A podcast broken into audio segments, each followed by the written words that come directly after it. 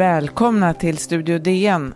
På flera av landets intensivvårdsavdelningar är läget mycket ansträngt. Värst är situationen i Stockholm. Hur illa är det där egentligen?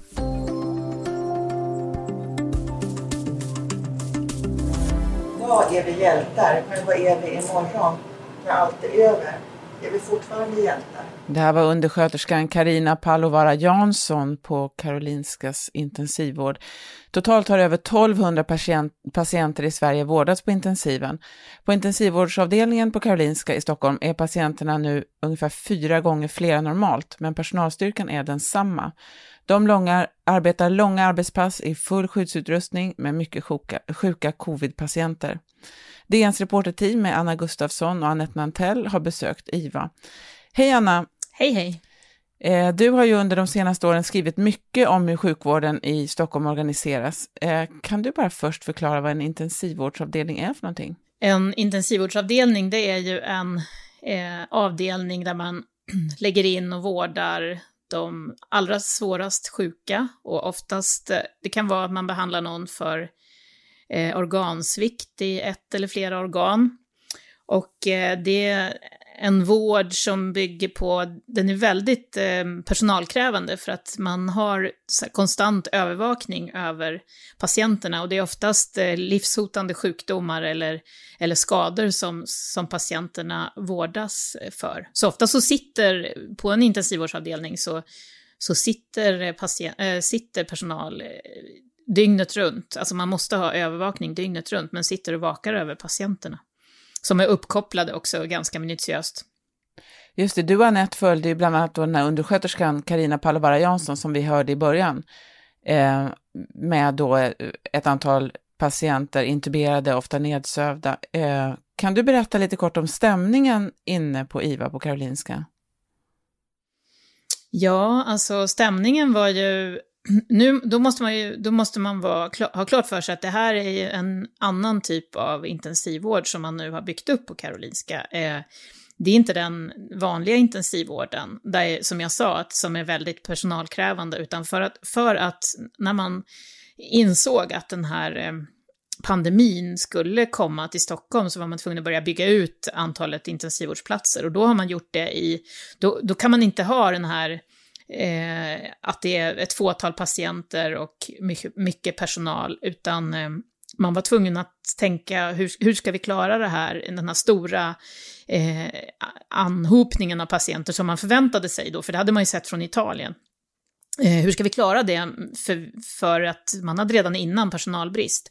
Och då har man i, i Karolinska så fanns det Eh, på Nya Karolinska så fanns det så uppvaksavdelning. Det, normalt sett så, Nya Karolinska är byggt med enkelrum även på intensivvården, men det insåg man, det skulle inte funka här, för då skulle man inte kunna se alla patienter samtidigt. Det finns istället så uppvakningsavdelning där patienter ligger där eh, efter operation. Och då är det liksom som bås, det är så här långa rader med bås som eh, patienter ligger i och där, där man kan ha bra uppsikt eftersom det finns inga, det finns inga dörrar på, mellan varje varje bås, så att säga. Och, det, och, det, och här har man byggt upp den här speciella covid-intensivvården. Eh, och det är egentligen ungefär samma, ja, ja det är väl ja, ungefär samma eh, personalstyrka som, som eh, har hand om de här mycket svårt sjuka patienterna. Och, och om jag sa tidigare att eh, på, på IVA så kan man ofta sitta och vaka över patienterna, så här, här var det ingen som satt, om man säger så. Nej, just det. Situationen i Stockholm har ju länge varit ansträngd eh, och krävande. Så här sa Björn Eriksson som är hälso och sjukvårdsdirektör i Region Stockholm den 2 april. Vi ser att eh, de dagar när vårdbehovet är som störst så kommer vi ha en extrem belastning. Och eh, vi gör allt för att klara det. Vi tror att vi klarar det för Stockholmssjukvården har också mycket resurser. Det är bara det att vi eh, kanske för en kortare tid måste vidta eh, ännu mer åtgärder för att fokusera på den akuta sjukvården och den nödvändiga sjukvården. Och det är en eh, utmaning för svensk sjukvård som vi inte har sett i modern tid. En del i personalen har ju omplacerats här. Den här eh, undersköterskan som ni följde brukar ju arbeta med skallskador även om hon är intensivvårdsvan. Men andra kanske har kommit från helt andra områden. Har alla på intensiven nu, har de en adekvat och liksom uppdaterad utbildning för det de gör? Nej, alltså de är ju, de är ju sjukvårdsutbildade. Men till exempel så har ju, det är så stor brist på intensivvårdssjuksköterskor så Karolinska snabbutbildar intensivvårdssjuksköterskor eh, som bara får, som får en tre dagars utbildning och det gör även andra sjukhus. Så eh, det den här undersköterskan då, Karina eh, berättar för oss är också att hon är van att jobba inom intensivvården. Hon är i och för sig inte van med de här patienterna, men hon, det, blir väl, det blir liksom en extra press på, på de eh, vana, så att säga, intensiv, de som är vana med intensivvården, när, när de i och för sig får förstärkning, men samtidigt från personal som inte är van att jobba med just intensivvård. Just det. Vi ska strax prata mer också om virusutbrottets mer långsiktiga konsekvenser för vården.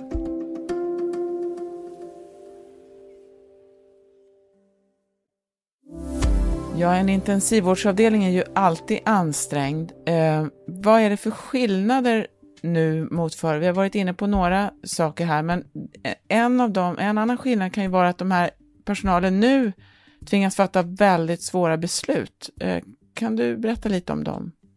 Ja, de här besluten har ju också varit det har ju blivit eh, diskussion om det därför att eh, Socialstyrelsen in, precis före pandemin så har man upprättat ett dokument för att kunna göra prioriteringar i svåra situationer och då hade man liksom räknat med att intensivvårdsplatserna inte skulle räcka till. Sverige har ju väldigt jämförelsevis då väldigt eh, få, få intensivvårdsplatser relativt befolkningen.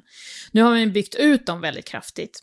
Och då har det blivit en eh, diskussion om att man har, för man har ändå satt eh, så här, riktlinjer för hur man ska prioritera, vilka ska få intensivvård och vilka, vilka ska inte få det. Och då handlar diskussionen om att de som är kritiska anser att man inte ger äldre personer i samma utsträckning eh, intensivvård som i vanliga fall. Alltså, man ser så här, medianåldern för patienter på Karolinska som ligger på intensiven eller har lagts in är 58 år.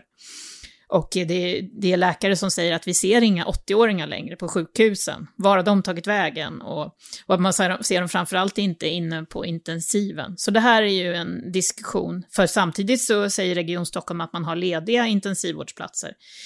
Så nu har ju IVO börjat en eh, inspektion faktiskt för att, för att eh, ta reda på om det är så att eh, man har gjort felaktiga prioriteringar. Inspektionen för vård och omsorg alltså som tittar på, granskar sjukvårdens, hur den utförs, om det begått några fel. Ja, precis så är det. Just det. Mm. Det är också en väldigt stor press på personalen där och eh, undersköterskan Karina berättade ju också lite grann om sina egna funderingar, sin egen oro. Lea där, som är sex år, har skrivit ett brev till mig och nu kommer jag bli ledsen. Hej, jag hoppas att du inte får coronaviruset och att Chili inte dör. Jag älskar dig och Chili. Vad tråkigt att vi inte kan ses. Du är duktig att hjälpa sjuka människor, har han skrivit. Jag älskar dig, farmor.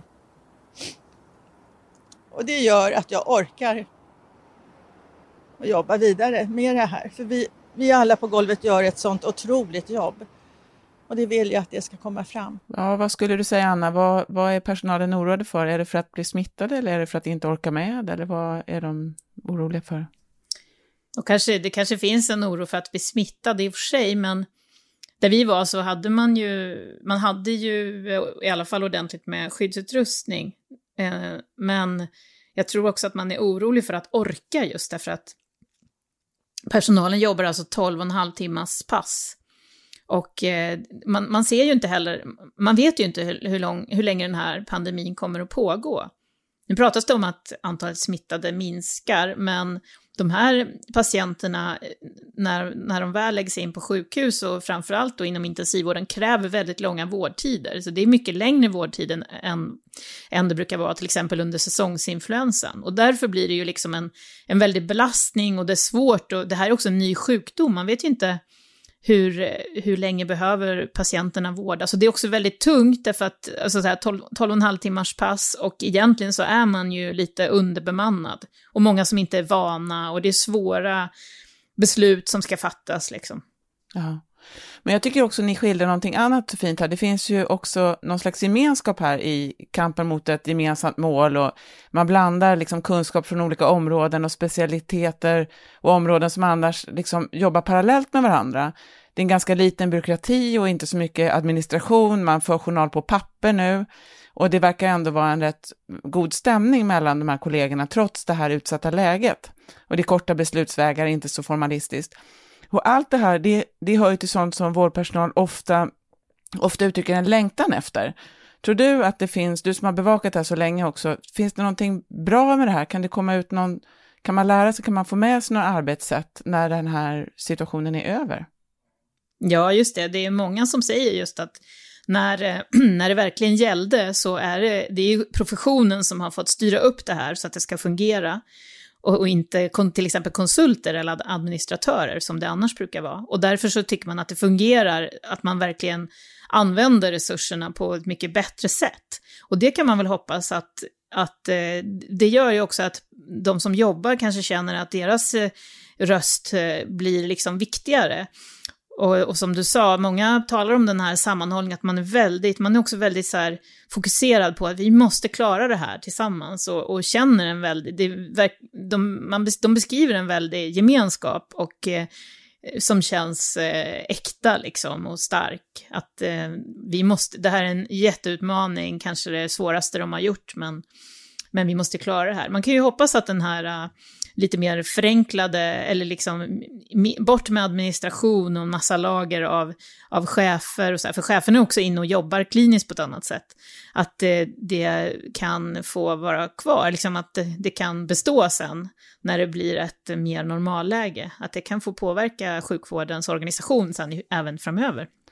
Det finns ju, eh, det som händer nu också är att eh, man skjuter ju upp en slags vårdskuld, den har ju du också skrivit om här, att det är så mycket som ställs in nu när man måste koncentrera sig på det här och att det kan bli också ekonomiska och resursmässiga problem som man skjuter framåt här. Vad tror du, alltihopa inbakat här, vad blir, den, vad blir den stora utmaningen för sjukvården framöver, om du ser lite längre än just den akuta krisen nu?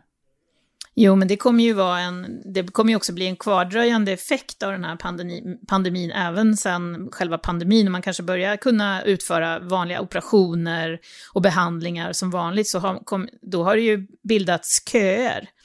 Eh, vilket man redan har sett.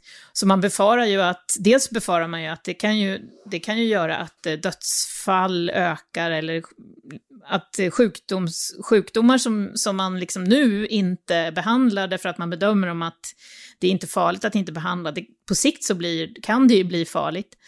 Eh, men det som är väl positivt eh, är ju att det är ju, det är ju många som har, det är många fler som söker sig till vården nu. Så kanske att i, i, den bäst, i bästa fall så... För att så jobba i vården alltså? Ja, för att jobba i vården. Ja. Så i bästa fall så, så kommer man ha bättre förutsättningar eh, än innan. Men det är klart att det är en jättestor utmaning. Bara det att när coronapandemin eh, så att säga lägger sig så är det väldigt mycket som återstår för att få, få koll på och mycket som ska betas av, så att säga, för att möta allas eh, vårdbehov. Vi kommer säkert återkomma i den frågan. Stort tack för det, Anna. Tack. På måndag ska vi prata om bilden av Sverige i internationella medier, eh, apropå corona. För ljudillustrationerna idag stod Anette Nantell och nyhetsbyrån TT. Studio DN görs av producent Sabina Marmelakai, exekutiv producent Augustin Erba, ljudtekniker Patrik Miesenberger, teknik Oliver Bergman på Bauer Media. Jag heter Sanna Thorén Björling. Vi hörs!